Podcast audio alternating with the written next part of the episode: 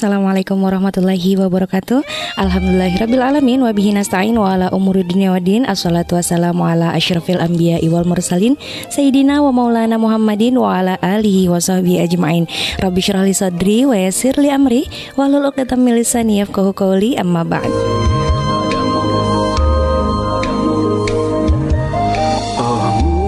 Dipancarluaskan dari kawasan Lembaga Pengembangan Dakwah Al-Bahjah Sendang Sumber Cirebon Radio Keinspirasi Spirit Hati. Sobat khair sahabatku semua Semoga di pagi hari ini eh, Di pagi yang penuh barokah ya. Insya Allah selalu berikan kita semangat untuk menjalani hari ini dengan penuh keikhlasan, penuh kesyukuran, agar semakin Allah tambahkan lagi nikmatnya untuk kita. Amin amin ya rabbal alamin. Alhamdulillah kita bisa kembali bersua dalam acara Dunia Muslimah bersama Nadia di sini. Insya Allah kita akan belajar bersama Umi Ferus Bini sampai pukul 7 pagi nanti. Dan untuk semua sahabat ya, eh, siaran ini bisa sahabat simak secara live streaming di Facebook, Instagram dan juga YouTube Umi Ferus Bini dan bisa juga pada, eh, bertanya ya pada kolom komentarnya.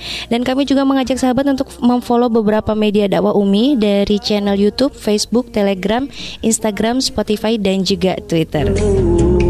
rendah hati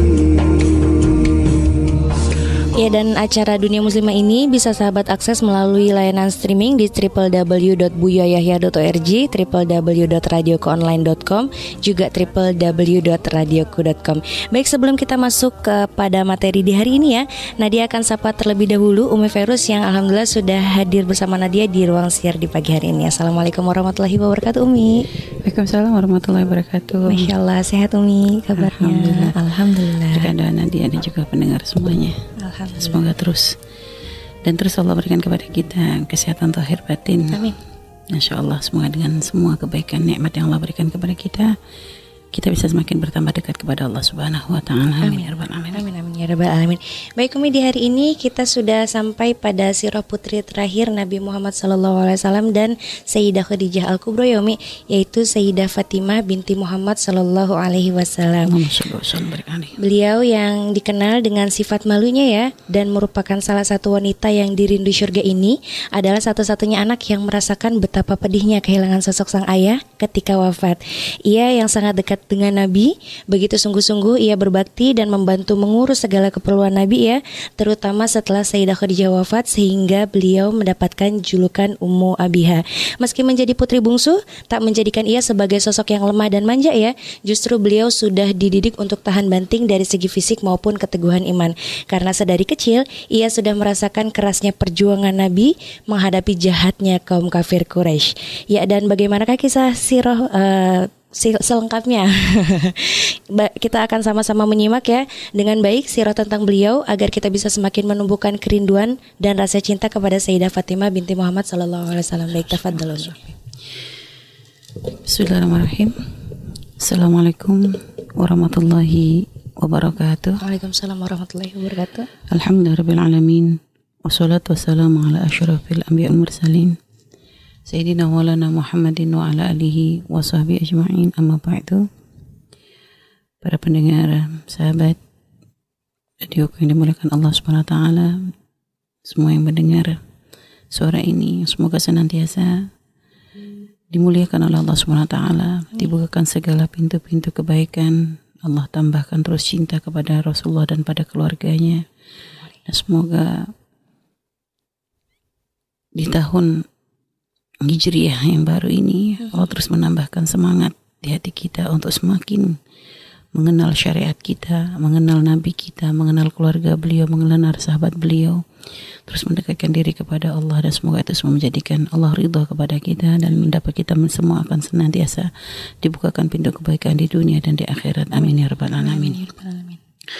Para pendengar yang dimuliakan Allah Subhanahu wa taala, pada kali ini kita akan mem- bercerita ya. Kita akan lebih berusaha untuk bisa lebih mengenal seorang wanita mulia yang tentu kita semua pernah mendengar ya walaupun mungkin tidak kenal jauh.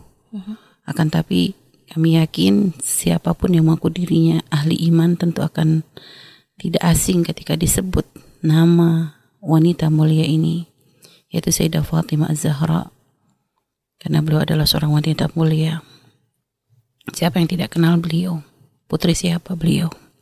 Siapa suaminya? Siapa putra-putrinya?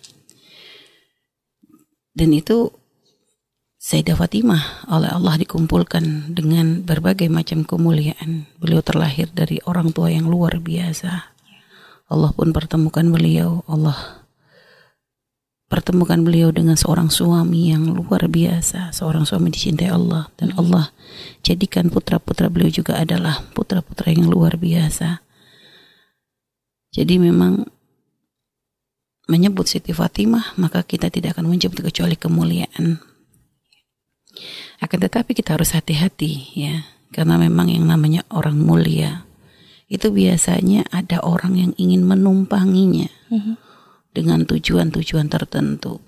Sehingga kadang kalau kita membaca sejarah tentang Sayyidah Fatimah Az-Zahra, maka kita harus selektif ya.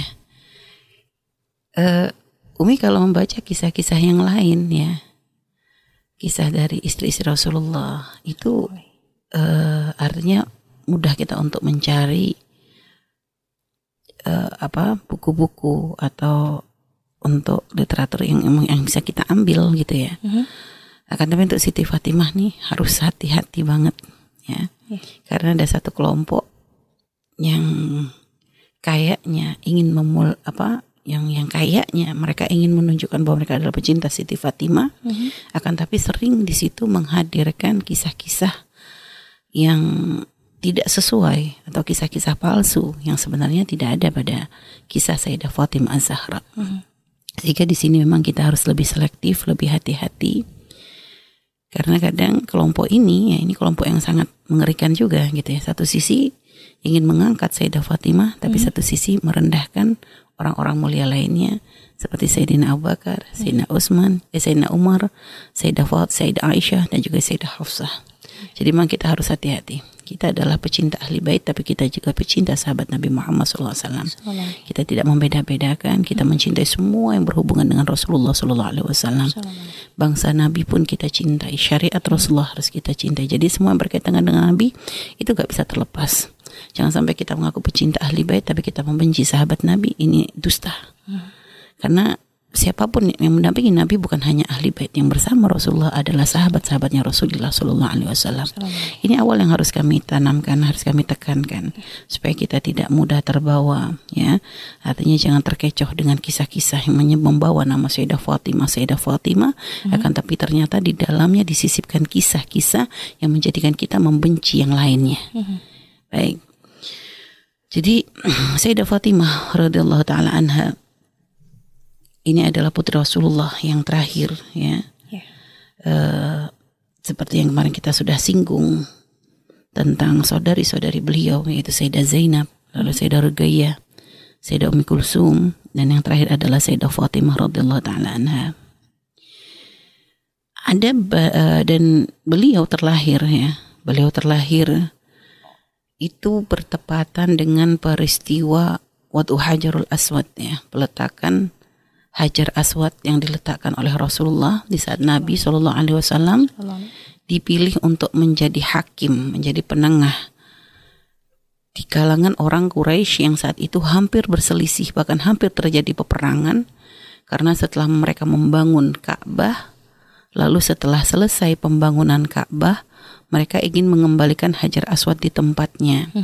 Dan semua yang membangun merasa punya hak untuk meletakkan Hajar Aswad di tempatnya merasa semuanya punya pangkat yang tinggi untuk bisa meletakkan Hajar Aswad di tempatnya sehingga hampir terjadi per- pe- peperangan di kalangan mereka. Sampai akhirnya Allah ya menitipkan ya kesadaran di hati sebagian orang merasa ini kita meletakkan membangun Ka'bah ya tujuannya mereka sebenarnya dan tujuan untuk mempersatukan ya.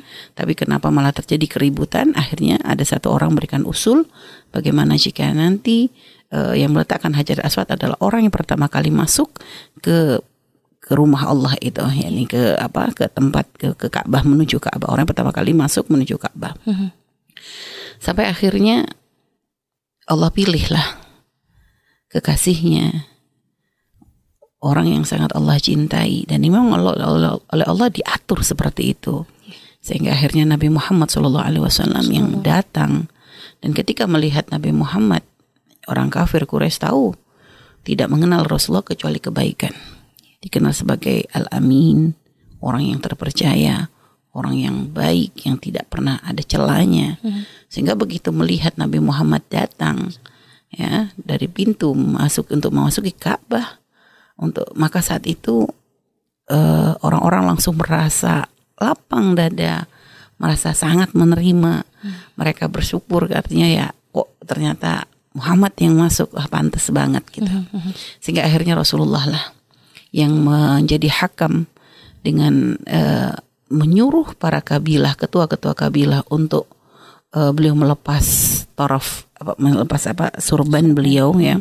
Lalu setiap kelompok kabilah tuh memegang taraf memegang apa pucuk dari surban beliau ya lalu setelah itu Sayyid Nabi Muhammad yang meletakkan hajar aswad di surban tersebut. Setelah itu setelah surban terus lalu diangkat bersama-sama ke menuju Ka'bah lalu Nabi Muhammad kembali yang memasangkannya di Ka'bah.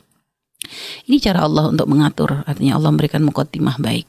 Dan ternyata subhanallah, peristiwa sempurnanya pemugaran bait Baitullah. Ini ternyata berbarengan dengan waktu kelahirannya putri Rasulullah Shallallahu Alaihi Wasallam, Sayyidah Fatimah Az-Zahra, yang nantinya akan menjadi ummu ahlil bait. Jadi kalau ini sebagai kalau dikatakan oleh sebagian penulis ini latifah jamilah. Jadi kayak kebetulan yang indah yang oleh Allah diatur bahwasanya sempurnanya pemugaran Baitullah berbarengan dengan terlahirnya ummu ahlil bait. Dan Sayyidah Fatimah ya ini adalah seorang dan tradisi Arab ya. Tradisi Arab ketika mereka mendengar bahwasanya istri mereka melahirkan seorang anak perempuan itu akan menjadikan mereka tuh marah. Ya tawara min su'i ma busyira bih, ya. Mereka tuh nggak terima dengan apa yang diberitakan. Sehingga mereka memilih eh akan akankah dibiarkan hidup nih anak perempuan tapi akan bawa kehinaan? Am yadusuhu fit turab ya ataukah akan dipendam di dalam bumi? Ini diceritakan di dalam Al-Qur'an ya. Bagaimana orang-orang orang-orang kafir Quraisy orang-orang jahiliyah pada waktu itu ketika eh, mereka uh, Dhulla wajhu muswaddan itu yang jadi mereka kalau dengar kabar terlahirnya seorang anak perempuan dhulla wajhu muswaddan ya jadi wajah mereka tuh langsung hitam mereka merasa malu ya. karena berita itu dianggap berita hina. Akan tapi tidak dengan Nabi Muhammad Shallallahu Alaihi Wasallam. Nabi selalu senang dengan kelahiran putra putri beliau. Padahal padahal waktu itu beliau Nabi belum menjadi Nabi. Nabi belum dipilih menjadi Nabi. Jadi tapi Nabi sudah memang dengan akhlak Rasulullah dan keluarganya memang bertentangan dengan tradisi jahiliyah. Sehingga Nabi mendengar berita-berita kelahiran putri-putri beliau menyambut dengan gembira. Terutama kelahiran putri beliau yaitu yang terakhir ini adalah Sayyidah Fatimah. Nabi memang merasakan kebahagiaan yang sangat luar biasa Ya, bahkan Sayyidah Khadijah sendiri merasa senang dikarenakan lahirnya putri yang terakhir ini ternyata sangat mirip dengan Rasulullah Shallallahu Alaihi Wasallam. Sehingga cinta Sayyidah Khadijah kepada Rasulullah menjadikan beliau tuh sangat mencintai Sayyidah Fatimah karena miripnya dengan Rasulullah Shallallahu Alaihi Wasallam.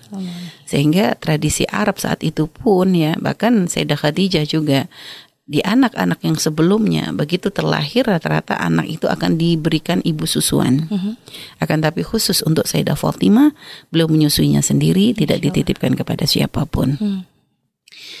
Karena beliau melihat bahwasanya Nabi itu kelihatan banget sayangnya gitu ya melihat Sayyidah Fatimah ini itu memang rasa yang Allah titipkan karena memang eh, apa rasa yang Allah titipkan di hati Rasulullah Shallallahu Alaihi Wasallam. Karena nanti memang Sayyidah Fatimah dipilih oleh Allah menjadi anak yang paling mirip dengan beliau yang menjadi panutan bagi semua wanita di dunia menjadi pemimpinnya wanita ahli syurga.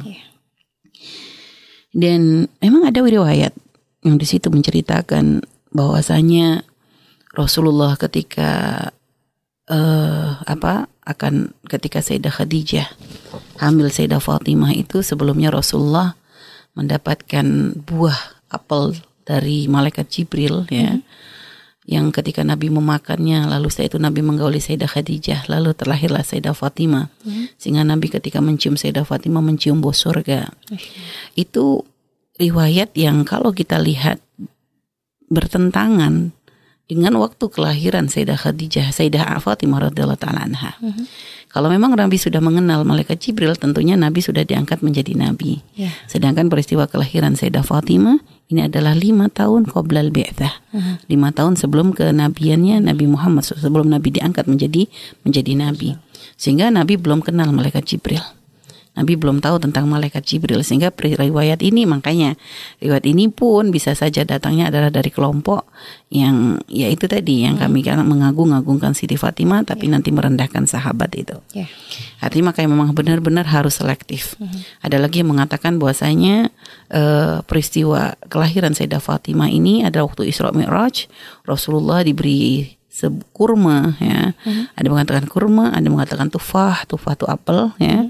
Lalu ketika itu Nabi memakannya setelah pulang lalu menggauli Sayyidah Sayyidah Khadijah lalu terakhirlah Sayyidah Fatimah. Ini lebih lucu lagi. Karena nggak ketemu waktunya. Kapan Isra Mi'raj? Isra Mi'raj itu terjadinya kapan? Mhm. Itu terjadinya Isra Mi'raj terjadinya setelah Sayyidah Khadijah wafat. Iya. Jadi judulnya jadi nggak ketemu. Ada sebagian kita pernah membaca buku ya yang ya itu tadi apa ya tanakut kalau kita lihat tuh kayak bertentangan satu kisah dengan kisah yang lainnya. Di situ di awal menceritakan bahwasanya Sayyidah Sayyidah Fatimah terlahir lima tahun sebelum Nabi diangkat menjadi nabi di usia Nabi 35 tahun. Tapi satu sisi menceritakan menceritakan bahwasanya Rasulullah mendapatkan buah dari malaikat Jibril pada waktu Isra dan Mi'raj lalu menggauli Sayyidah Khadijah. Ini peristiwanya nggak ketemu semua. Jadi ada tanakut di situ. Makanya kita eh, kadang memang ya siapa sih yang nggak terpesona mendengar kisah ini. Nabi makan lalu subhanallah ketika mencium Sayyidah Fatimah tercium bau surga. Iya. Indah banget gitu ya. Kalau mendengarnya indah banget gitu. Tapi kita pun nggak bisa asal kisah indah eh, lalu kita ceritakan juga Iya. gitu ya. Artinya harus kita selektif. Sama juga seperti kisah kami pernah membaca kisah bagaimana pada waktu Siti Fatimah eh, ketika ini buku ini kita baca dan kita bingung juga gimana nggak ketemu judulnya gitu ya. Artinya waktunya ini nggak nggak nggak nggak ketemu. Eh, mungkin pernah juga di share ya bagaimana ada kisah bahwa Sayyidah Fatimah itu eh, apa namanya Sayyidah Fatimah pada pernah waktu itu Sayyidah Khadijah ketika Rasulullah pulang berdakwah dalam dalam kondisi orang-orang kafir Quraisy itu berbuat dolim sehingga menjadikan kehidupan keluarga Nabi itu benar-benar dari yang paling kayanya ya. Bahkan Sayyidah Khadijah kan memang dikenal paling kayanya wanita. Pada waktu itu bahkan dikatakan kalau dikumpulkan semua hartanya orang Quraisy tidak bisa menandingi kekayaannya Sayyidah Khadijah ya. Sampai derajat bahwa Sayyidah Fat Sayyidah Aisyah Sayyidah Sayyidah Khadijah ketika menyusui Sayyidah Fatimah pada waktu Nabi ya merasakan eh, tekanan dari orang-orang kafir Quraisy begitu Nabi masuk melihat Sayyidah Sayyidah Khadijah menyusui Sayyidah Fatimah itu tidak ada yang keluar kecuali darah. Nah, ini mungkin pernah ya. Iya, Nadia juga iya, pernah Bu. dengar kisah inilah. Bagus banget ya kisah ini. Bagus banget kita kita kita pun mendengar itu pengen nangis rasanya. Eh, tapi nggak ketemu waktunya. Karena kalau memang Sayyidah Khadijah, Sayyidah Aisyah, terla, Sayyidah Fatimah terlahir lima tahun sebelum Bi'tsah, berarti pada waktu Nabi diangkat menjadi Nabi sudah umur lima tahun, nggak mungkin masih nyusu, nggak mungkin masih menyusu di usia seperti itu. Belum lagi Nabi pun berdakwah terang-terangan itu tiga tahun setelah Bi'tsah, Iya. sampai tiga tahun. Berarti kan berarti pada waktu Nabi mulai terang-terangan usia Sayyidah Fatimah ini diperkirakan kurang lebihnya 8 Delapan tahun, tahun, iya. 7-8 tahun. Gimana mau menyusu di usia seperti itu? Jadi nggak ketemu judulnya. Dan tentu kehidupan Sayyidah Khadijah sebelum Nabi diangkat menjadi Nabi, Iya. bahkan sampai ketika Nabi masih berdakwah secara terang-terangan masih layak, Iya. masih sangat makmur, masih sangat kaya raya. Jadi masih belum merasakan masa berat itu gitulah. Iya. Jadi jadi makanya berita ini ini yang kami ingin luruskan supaya kita tidak salah dalam memilah dan memilih kisah-kisah.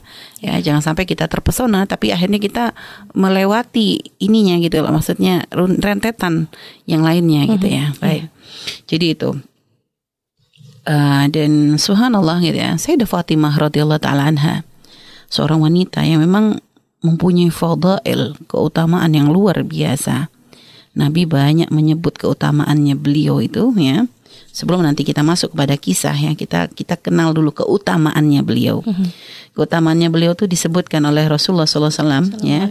Nabi bersabda dari eh, Anil Mansur an Muhrim anna Rasulullah sallallahu alaihi wasallam qala bahwasanya Nabi bersabda Fatimah bid'atun minni faman aghdabaha aghdabani Sayyidah Fatimah itu adalah bagian dariku kata Nabi. Barang siapa yang membuatnya marah maka akan menjadikan aku marah.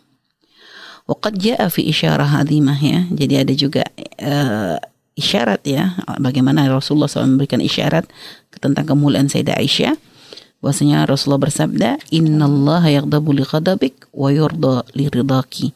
Jadi Allah sesungguhnya Allah tuh marah dengan marahmu dan Allah ridho dengan ridhomu menunjukkan keagungan beliau di hadapan Allah Subhanahu wa taala. Dikatakan dari Abu Sa'id Al-Khudri radhiyallahu taala anhu bahwasanya Nabi juga bersabda Al Hasan wal Husain sayyida syababi ahli jannah wa Fatimah sayyidatu nisaihim. Sidina Hasan dan Husain ini adalah dua pemuda yang akan menjadi pemimpinnya ahli syurga, sedangkan Sayyidah Fatimah akan menjadi pemimpinnya para wanita. Waja'ani Sayyidah Aisyah radhiyallahu taala anha dari Sayyidah Aisyah radhiyallahu taala anha uh, Sayyidah Aisyah pernah mendengar Rasulullah berkata kepada Sayyidah Aisyah, "Ya Fatimah, amma tardain an takuni sayyidah nisal alamin wa sayyidah nisal mu'minin?" Ya Fatimah, apakah engkau tidak rida ketika Allah menjadikanmu sebagai wanita, pemimpinnya wanita di dunia dan pemimpinnya wanita mukminah? Lalu dari riwayat dari Sayyidah Aisyah lagi, ya bahwasanya Rasulullah SAW bersabda, Inna malakan minas sama lam yakun zahrani. Fasta'dhan Allah fi ziyarati fabasharani wa akhbarani anna Fatimah sayyidatu nisa'i ummati. Sesungguhnya kata Nabi, malakan minas sama, malaikat langit ya, itu nggak pernah menziarahiku. Ya. Lalu suatu hari malaikat izin kepada Allah swt untuk menziarahi Nabi Muhammad SAW. Fabasyarani lalu memberikan kabar gembira kepadaku, au akhbarani dan beritahu kepadaku, anna Fatimah, bahwasanya Sayyidah Fatimah, Sayyidatu Nisa'i ummati akan menjadi pemimpinnya wanita di umatku. Masya Allah. Dan subhanallah, kasih sayang Allah kepada kita umat Nabi Muhammad sallallahu alaihi wasallam. Allah mengutus nabi yang menjadi rahmatan lil alamin. Nabi yang diisyaratkan oleh Rasulullah dengan segala kebaikan dan kemuliaan laqad ja'akum rasulun min anfusikum azizun alaihi ma anittum harisun alaikum bil mu'minina raufur rahim. Hmm. Seorang nabi yang diisyarati dengan segala kebaikan. Bahkan Ra'ufur Rahim itu adalah sifat Allah yang ternyata disambungkan kepada Nabi Muhammad SAW. Alaihi Wasallam. Allah sematkan sifat itu pada diri Nabi Muhammad SAW. Alaihi Wasallam. Menunjukkan keagungan dan kemuliaannya Nabi kita Nabi Muhammad SAW. Dan tidak hanya itu, ternyata cinta uh, keutamaan umat Nabi Muhammad ya, kemuliaan rahmat yang Allah berikan kepada umat Nabi Muhammad tidak hanya dengan diutusnya Nabi yang mulia, uh-huh. bahkan Allah jadikan juga keluarga Nabi itu menjadi panutan bagi kita. Sahabat-sahabat Nabi menjadi panutan bagi kita. Sehingga ketika kita seorang wanita merasa mungkin uh, gimana kita mengikuti Nabi secara sempurna? Kita wanita misalnya. Mungkin merasa kalau wanita mungkin nggak bisa dong sama kayak laki-laki. Hmm. tapi ternyata Allah kirimkan bagi kita para ibunda-ibunda yang soleha dan bahkan lebih dari itu Allah jadikan juga istri putri dari Rasulullah Sallallahu Alaihi Wasallam itu benar-benar menjadi wanita yang paling mirip dengan Rasulullah Sallallahu Alaihi Wasallam dalam segala perilakunya. Ya. Sehingga ini tujuannya adalah untuk menolong umat ya bahwa agar para wanita pun ternyata uh, dengan mengikuti Sayyidah Fatimah maka sama seperti kita mengikuti Rasulullah Sallallahu Alaihi Wasallam. Jadi itu karena dikatakan tidak ada orang yang lebih mirip dengan Rasulullah itu melebihi dari Sayyidah Fatimah. Hmm. Nah ini ini adalah keutamaan dari Sayyidah di antara keutamaan Sayyidah Fatimah dan masih banyak lagi ya. Ini hanya sebagian besar saja yang kami sebutkan dan nanti sambil berjalannya waktu kita membahas tentang Sayyidah Fatimah nanti kita akan menemukan banyak lagi keutamaan-keutamaan yang Allah berikan kepada beliau. Ya. Dan Sayyidah Fatimah radhiyallahu taala anha terlahir ya dari pasangan yang mulia yaitu Rasulullah Sallallahu Alaihi Wasallam dan Sayyidah Khadijah Al Kubra yang walaupun sebelum Nabi diangkat menjadi Nabi dikenal sebagai kebaikan dan kemuliaannya. Jadi beliau terlahir dari keluarga yang subhanallah di Mekah itu terkenal sebagai syarafan wa karaman wa ifwatan wa rifatan ya. Jadi Sayyidah uh, Sayyidah Khadijah itu Sayyidah Nisa Mekah. Hmm. Dikatakan ya pemimpinnya wanita ahli Makkah saat itu yang dikenal dengan syarafan ya dengan ke, keagungan kemuliaannya yeah. wa karaman kedermawanannya wa ifatan masalah menjaganya menjaga kehormatannya wa rifatan dan pangkatnya yang tinggi ya jadi memang kalau dibaratkan Sayyidah Khadijah itu paket komplit ketemu dengan Nabi yang paket komplit ya mm. sehingga sangat wajar terciptalah terlahirlah dari hubungan dua orang mulia ini mm. yaitu seorang wanita yang luar biasa yang dicintai oleh bukan hanya oleh makhluk bumi akan tapi juga oleh makhluk langit dan juga dicintai oleh Allah Subhanahu wa taala. Ya. ya. Uh, di sini ya uh, Sayyidah Sayyidah Khadijah ya tadi Sayyidah Fatimah ya kami katakan tadi bahwasanya beliau terlahir lima tahun ya sebelum lahirnya Nabi Muhammad Shallallahu Alaihi lahir sebelum Nabi Muhammad diangkat menjadi Nabi dan ini seakan-akan memang sudah diatur oleh Allah karena memang perjalanan hidup Nabi itu benar-benar diatur dengan sangat-sangat sempurna oleh Allah Subhanahu Taala hmm. bahkan untuk siapa pun berkaitan dengan Nabi pun diatur seperti itu jadi di, di lahir, terlahirnya Sayyidah Fatimah di usia eh, ketika apa lima tahun sebelum kelahir sebelum Nabi diangkat menjadi Nabi ini ada banyak hikmah di situ hmm. karena karena di situ Allah ingin memberikan uh, apa memberikan pendidikan kepada Sayyidah Fatimah sehingga ibaratnya Sayyidah Fatimah tuh benar-benar tahu perjalanan dakwah Nabi mm-hmm. itu dengan secara sempurna yeah. dari mulai ketika Nabi karena lima tahun tuh sudah mulai paham mm-hmm. lima tahun tuh sudah mulai bisa mengerti sudah mulai bisa menangkap artinya jadi dari usia yang paling kecil lima tahun masih dalam keadaan bersih yeah. belum terkotori apa pun mm-hmm. ya akan tapi sudah mulai bisa menangkap apa yang terjadi. Mm-hmm. Jadi benar-benar Allah tuh ingin mendidik Sayyidah Fatimah itu uh, beliau tuh sudah mengetahui tentang perjalanan sejarah dakwahnya Rasulullah tuh so. dari nol mm-hmm. sampai akhir. Yeah. Sehingga beliau lahir sebelum Nabi diutus menjadi nabi mm-hmm. dan beliau wafat setelah Nabi wafat kan begitu. Yeah. Jadi sempurna banget. Mm-hmm. Jadi kalau orang yang memang benar-benar tahu perjalanan ini ya Sayyidah Fatimah inilah yeah. yang tahu bagaimana beratnya Nabi dalam berdakwah. Mm-hmm beratnya Nabi dalam berjuang perjalanan hidup uh, yang dilalui oleh Rasulullah dan juga para ibundanya. Ini Sayyidah Fatimah ini benar-benar melihat itu semua. Hmm.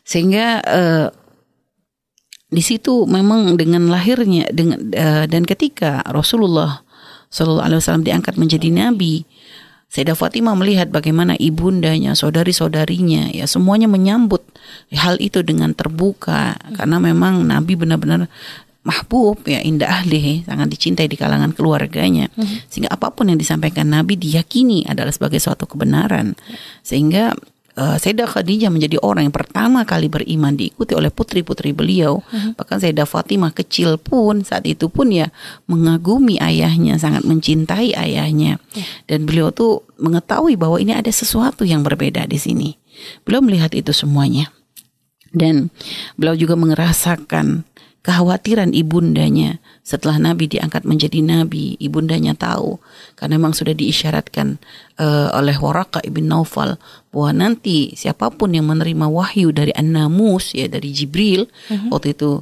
dalam kisah Sayyidah Khadijah sudah pernah kita ceritakan uh-huh. ya bagaimana uh, Waraka ibn Naufal saudari saudara uh, keluarga sesepupu dari Sayyidah Sayyidah Fatimah Sayyidah Khadijah ya uh-huh. ketika mendengar berita tentang Nabi beliau mengatakan uh, tidak ada siapa pun yang mendapatkan wahyu dari An-Namus itu yang mendapatkan dari malaikat Jibril ini mm-hmm. kecuali akan diusir dari dari kaum, dari kaumnya, akan yeah. dimusuhi oleh kaumnya. Mm-hmm. Dan Sayyidah Khadijah pun mendengar ini beliau sudah paham bahwa beliau harus menjadi orang yang paling kuat ya menjadi pendamping Nabi hmm. uh, untuk bisa melewati ini semua dan Sayyidah Fatimah ya walaupun di masa kecilnya beliau tuh menangkap akan hal itu hmm menangkap tanggung jawab berat yang harus dipikul oleh ayahnya, menangkap uh, tanggung jawab berat yang harus dipikul oleh ibundanya bahwa sekarang ibundanya bukan hanya sebagai seorang istri saja hmm. akan tapi sebagai seorang istrinya Nabi yang harus bisa mendampingi Rasulullah oh. dalam keadaan susah dalam keadaan senang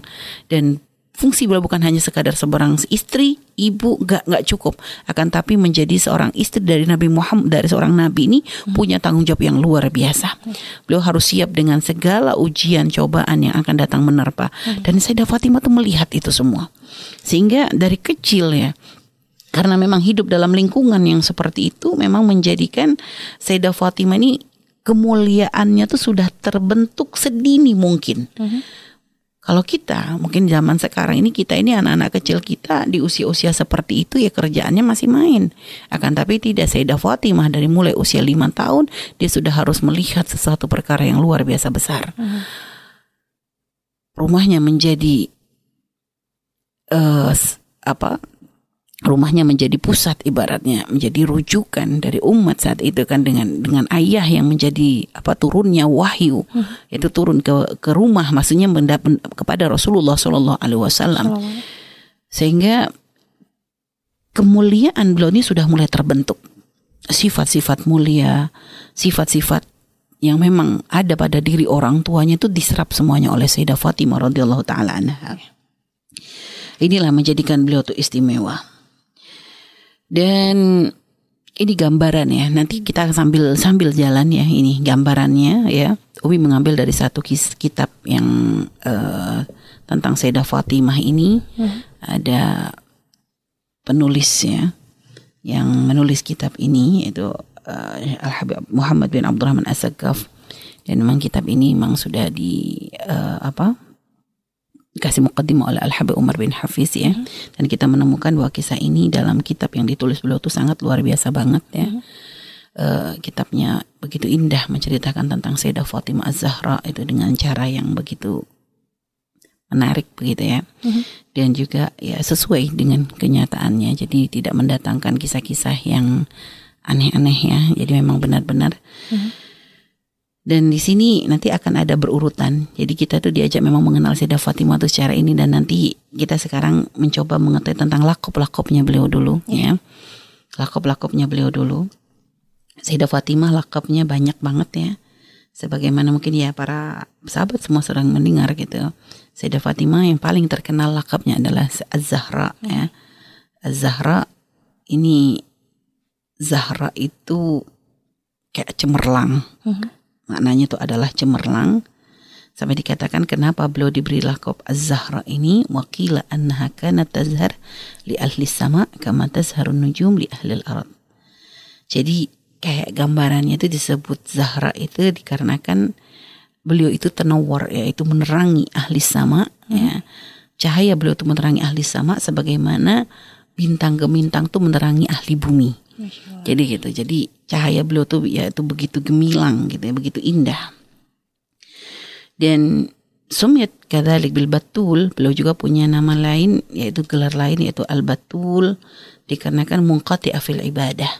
Jadi beliau itu oleh Allah diputus dari segala urusan dunia, hanya kayak difokuskan hanya untuk beribadah kepada Allah Subhanahu wa taala. Jadi orang yang sangat gemar beribadah sampai hatinya tuh sama sekali tidak terikat dengan dunia. Makanya disebut dengan al-batul. Ada riwayat yang mengatakan bahwasanya beliau adalah seorang wanita yang diberikan karomah ya kemuliaan, tidak pernah haid, gak pernah nifas ya. Akan tetapi ternyata eh, ini pun riwayat ditentang juga oleh beberapa yang lain karena beliau adalah tetap wanita normal ya, wanita normal biasa akan tetapi eh, ini memang ini bukan kami ya yang menentang. Ini memang ada dari ulama mengatakan ini riwayat nggak benar. Ada mengatakan seperti itu. Makanya tadi memang banyak riwayat begini-begini ya. Tapi pun kalau misalnya ternyata enggak pun ya bukan suatu yang aneh juga karena mungkin saja Allah memberikan ini khusus kekhususan kepada beliau bisa saja.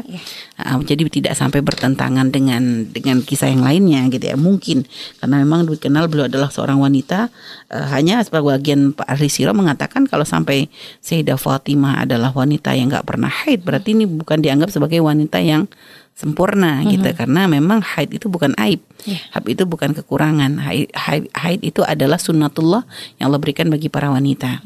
Nah di sini ada tanah ada ada perbedaan ya. Nah, kita nggak usah mempusingkan. Yang jelas beliau ahli ibadah. Beliau adalah orang yang sangat senang beribadah, orang yang selalu sambung hatinya dengan Allah Subhanahu wa taala. Dan juga ada banyak nama-nama beliau ya. Nama lainnya adalah As-Siddiqah. Karena beliau adalah seorang yang jujur, tidak pernah berkata dusta. Satu kali pun gak pernah berkata dusta. Jadi tidak pernah ada kalimat yang tidak baik yang terucap dari mulut beliau. Al-Mubarakah, karena memang beliau adalah membawa keberkahan bagi siapa pun. At-Tahirah, seorang wanita yang suci, yang dijaga oleh Allah Subhanahu Wa Taala. Ya, dan juga anak keturunannya. Jadi ini memang sudah eh, apa dijelaskan dalam Al-Quran tentang keutamaannya tentang Sayyidah Fatimah, Sayyidah Fatimah. Az-Zakiyah ya suci bersih zakiyah zaki ya dan uh, ar-radiyah wal mardiyah yaitu orang yang diridhoi oleh Allah Subhanahu wa taala. Dan juga beliau diberikan kunyah itu bi ummi abiha.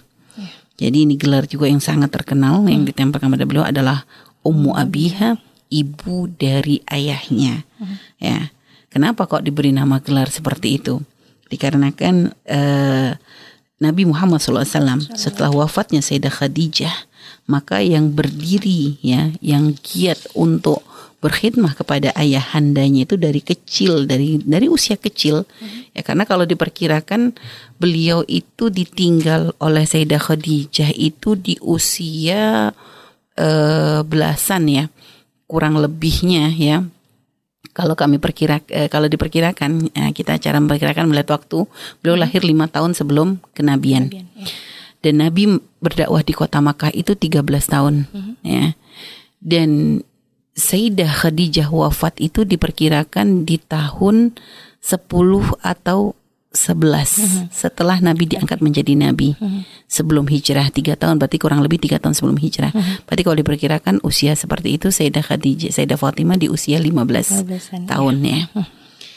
Akan tetapi memang dari masa dari sebelum ibundanya wafat ini memang Sayyidah Fatimah ini adalah orang yang paling paling berani paling paling menjaga paling perhatian kepada ayahnya Ya, jadi dari mulai kecil itu memang sudah terlatih beliau untuk memberikan perhatian, menyiapkan eh, keperluan ayahnya dan juga eh, memberikan perhatian tuh nggak cuma siang, pokoknya siang malam, pokoknya kalau sudah urusan ayahnya tuh Sayyidah Fatimah tuh memang yang paling semangat untuk untuk eh, me- men- apa memenuhinya gitu ya dalam urusan. Pokoknya apa yang berkaitan dengan Nabi Ya, sampai apalagi setelah ibundanya wafat, maka benar-benar Sayyidah Fatimah ini memberikan perhatian yang lebih kepada Rasulullah Shallallahu Alaihi Wasallam.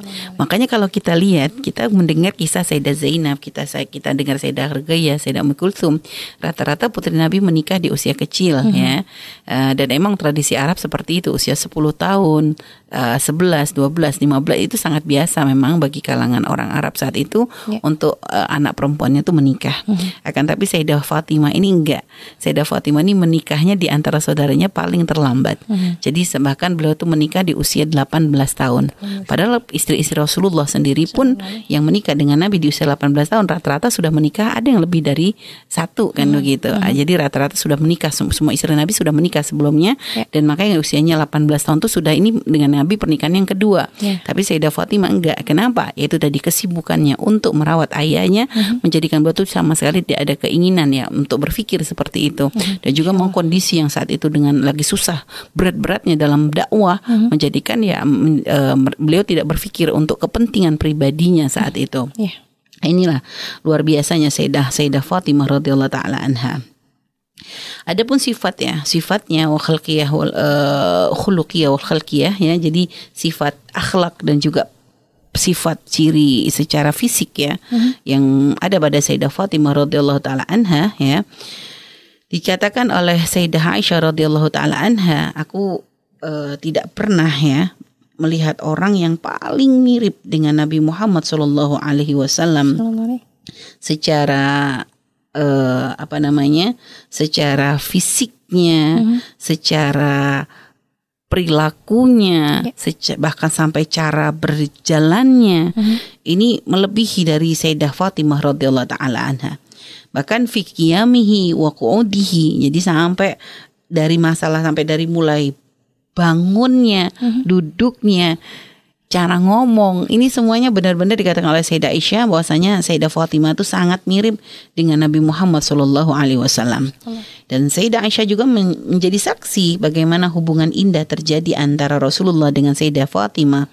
Dikatakan oleh beliau jika sa- jik- jikalau Rasulullah mendatangi Say- eh, jikalau Sayyidah Fatimah mendatangi Rasulullah Shallallahu Alaihi Wasallam ya maka Nabi itu langsung spontan berdiri ya menyambut ya seorang ayah lihat menunjukkan cinta yang luar biasa kepada seorang anak melihat anaknya datang tuh langsung Nabi berdiri ya disambut Sayyidah Fatimah ya dikecup keningnya oleh Rasulullah Shallallahu Alaihi Wasallam ya. Setelah itu didudukkan di tempatnya beliau di tempatnya Rasulullah.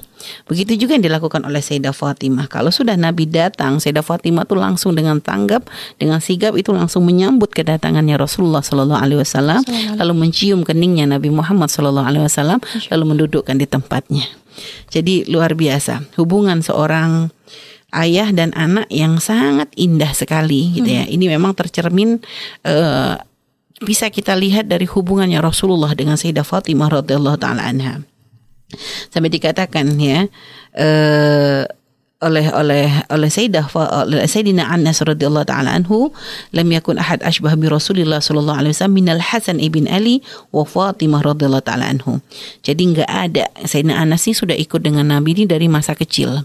Jadi Sayyidina Anas itu eh, adalah seorang putra dari Sayyidah Rumaisyah ya. Eh, dia waktu itu ketika Nabi hijrah ke Madinah, ketika seorang orang berlomba-lomba untuk memberikan hadiah kepada Rasulullah SAW, ada seorang ibunda fakir yang dia tidak punya apa-apa, akan tapi dia datang kepada Nabi untuk memberikan sesuatu yang paling berharga yang dimilikinya, yaitu putranya Sayyidina Anas radhiyallahu taala anha. Hmm. Jadi eh, radhiyallahu anhu, jadi beliau itu adalah Sayyidina Anas itu memang ikut Nabi dari usia masih ke masih kanak-kanak, sehingga beliau tahu melihat tentang Sayyidah Fatimah karena masih anak kecil kan bisa melihat dan beliau mengatakan Sungguh aku tidak melihat orang yang paling mirip dengan Nabi Muhammad melebihi Sayyidina Hasan dan Fatimah Az-Zahra. Jadi dari jadi dua orang ini memang secara fisik dari wajah itu memang sangat-sangat mirip dengan Rasulullah Shallallahu alaihi wasallam. Maka Sayyidah Aisyah riwayat lain mengatakan ma raaitu ahadan asbah wa hadithan bi Rasulillah sallallahu alaihi wasallam min Fatimah. Aku nggak pernah menemui orang yang paling mirip paling mirip cara ber, uh, kalam ucapannya wa hadisan cara berbicaranya ya dengan Rasulullah sallallahu alaihi wasallam ya melebihi dari Sayyidah Fatimah. Jadi subhanallah Kebayang ya, Rasulullah paling bagusnya orang ya, Iya. tentunya putrinya adalah paling bagusnya wanita kan saat itu. Cuma memang kita di adab kita adalah tidak banyak menceritakan dari sisi masalah fisik ya. Jadi f- untuk menyebut fisik-fisik orang-orang yang terdekat dengan Nabi ini bukan untuk kita umbar, akan tapi kita harus melihat ya artinya pun kalau kita menyebut fisiknya ini dengan cara yang terhormat. Jangan sampai kita menyifati orang-orang yang bersama Rasulullah ini eh, untuk nanti di- eh, kita sebuti masalah fisiknya untuk nanti dihayalkan eh, dengan cara yang tidak terhormat naudzubillah. Jadi pun kalau kita membayangkan fisiknya adalah kemuliaan, kehormatan dan memang fisik di dalam Islam bukan untuk dipamerkan sehingga makanya kita tidak pernah eh, menghadirkan kisah masalah menyebut fisik secara jelas gitu ya. Nah, intinya mereka Allah menciptakan dalam keadaan yang bagus ya. Ya. Dan tentu sebagaimana Rasulullah juga mempunyai hibah, ada hibah yang Allah titipkan ya. Sayyidah Fatimah pun memiliki hal tersebut. Ya. Eh, pernah satu ketika ya saya Rasul saya eh, apa Ali bin Abi Thalib ya.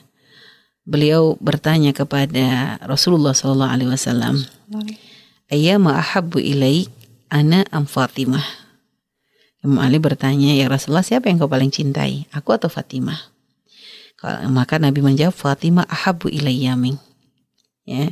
Fatimah itu lebih aku cintai darimu wa anta azzu alayya minha akan tapi engkau lebih aku hormati. Jadi kita karena gimana pun posisi Imam Ali itu adalah sebagai suami dari Sayyidah Fatimah. Wa qala ahabbu ahli ilayya Fatimah. Keluarga yang paling aku cintai ya Fatimah. Ya Rasulullah menyebutkan hal tersebut. Eh, dan pernah Sayyidah Aisyah ditanya, eh, ayun nas kana ahabu ila Rasulillah sallallahu alaihi wasallam? Langsung Sayyidah Aisyah menjawab Fatimah. Disebut oleh Sayyidah Aisyah Fatimah wakila minar rijal zaujuha suaminya. Jadi dari riwayat ini tuh kita sudah bisa menangkap ada sebagian orang menyebar fitnah bahwasanya hubungan Sayyidah Aisyah dengan Sayyidah Fatimah dan Imam Ali tidak indah. Ini dusta. Tidak, tidak ada seperti itu. Jangan pikir kayak cerita kisah Rasulullah dan keluarganya tuh kayak kisah sinetron zaman sekarang yang penuh dengan permusuhan, ribut dan sebagainya ya. Mereka adalah orang-orang mulia, mengerti kemuliaan dan tahu bahwa yang bersama Nabi semuanya adalah orang-orang mulia. Sehingga tidak ada kisah kedengkian dan sebagainya. Kalau memang ada kedengkian, nggak mungkin Sayyidah Aisyah lalu menyebut hal seperti itu Ya. menyebutkan ketika dia siapa yang paling dicintai Fatimah belum menjawab wa minar rijal zaujuha lihat nggak nyebut siapa bukan abu abi gitu enggak. Zaujuha. Padahal ada riwayat yang mengatakan yang paling dicintai siapa?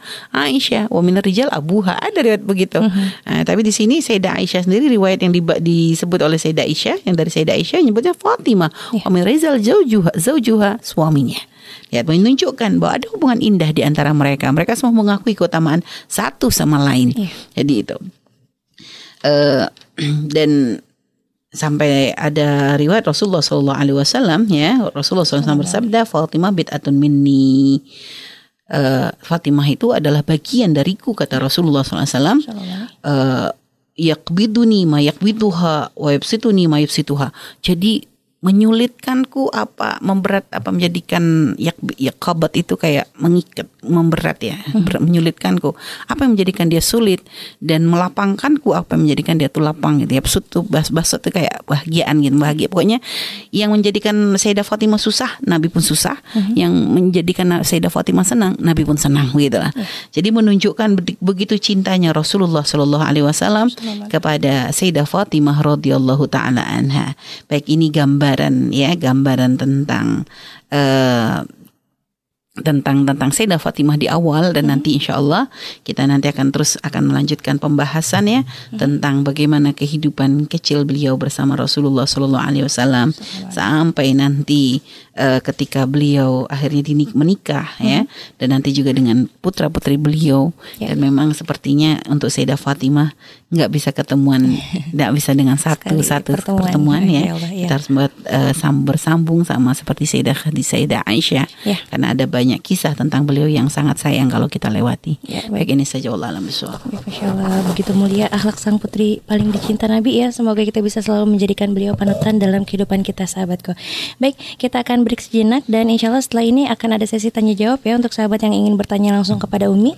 Eh, bisa bergabung melalui layanan telepon di 0852847047 dan juga SMS ataupun WhatsApp di 081321461079. Namun sebelum break Nadia akan sapa terlebih dahulu eh, sahabat radio yang sudah merilai siaran kami ada Radioku 104,8 FM Kuningan, Radioku 92,4 FM Majalengka, Radioku 104,7 FM Batam, Radioku 1089 AM Bogor, Radioku 88,0 FM Kuburaya Pontianak, Radioku 89,6 FM Purbalingga, Radioku 107,9 FM Tangerang, Radioku 87,6 FM Berau Kalimantan Timur, Radioku 106,3 KCG Martapura dan juga Radioku 93,6 Aceh Besar. Baik tentunya tetap stay di Radioku Inspirasi Spirit Hati.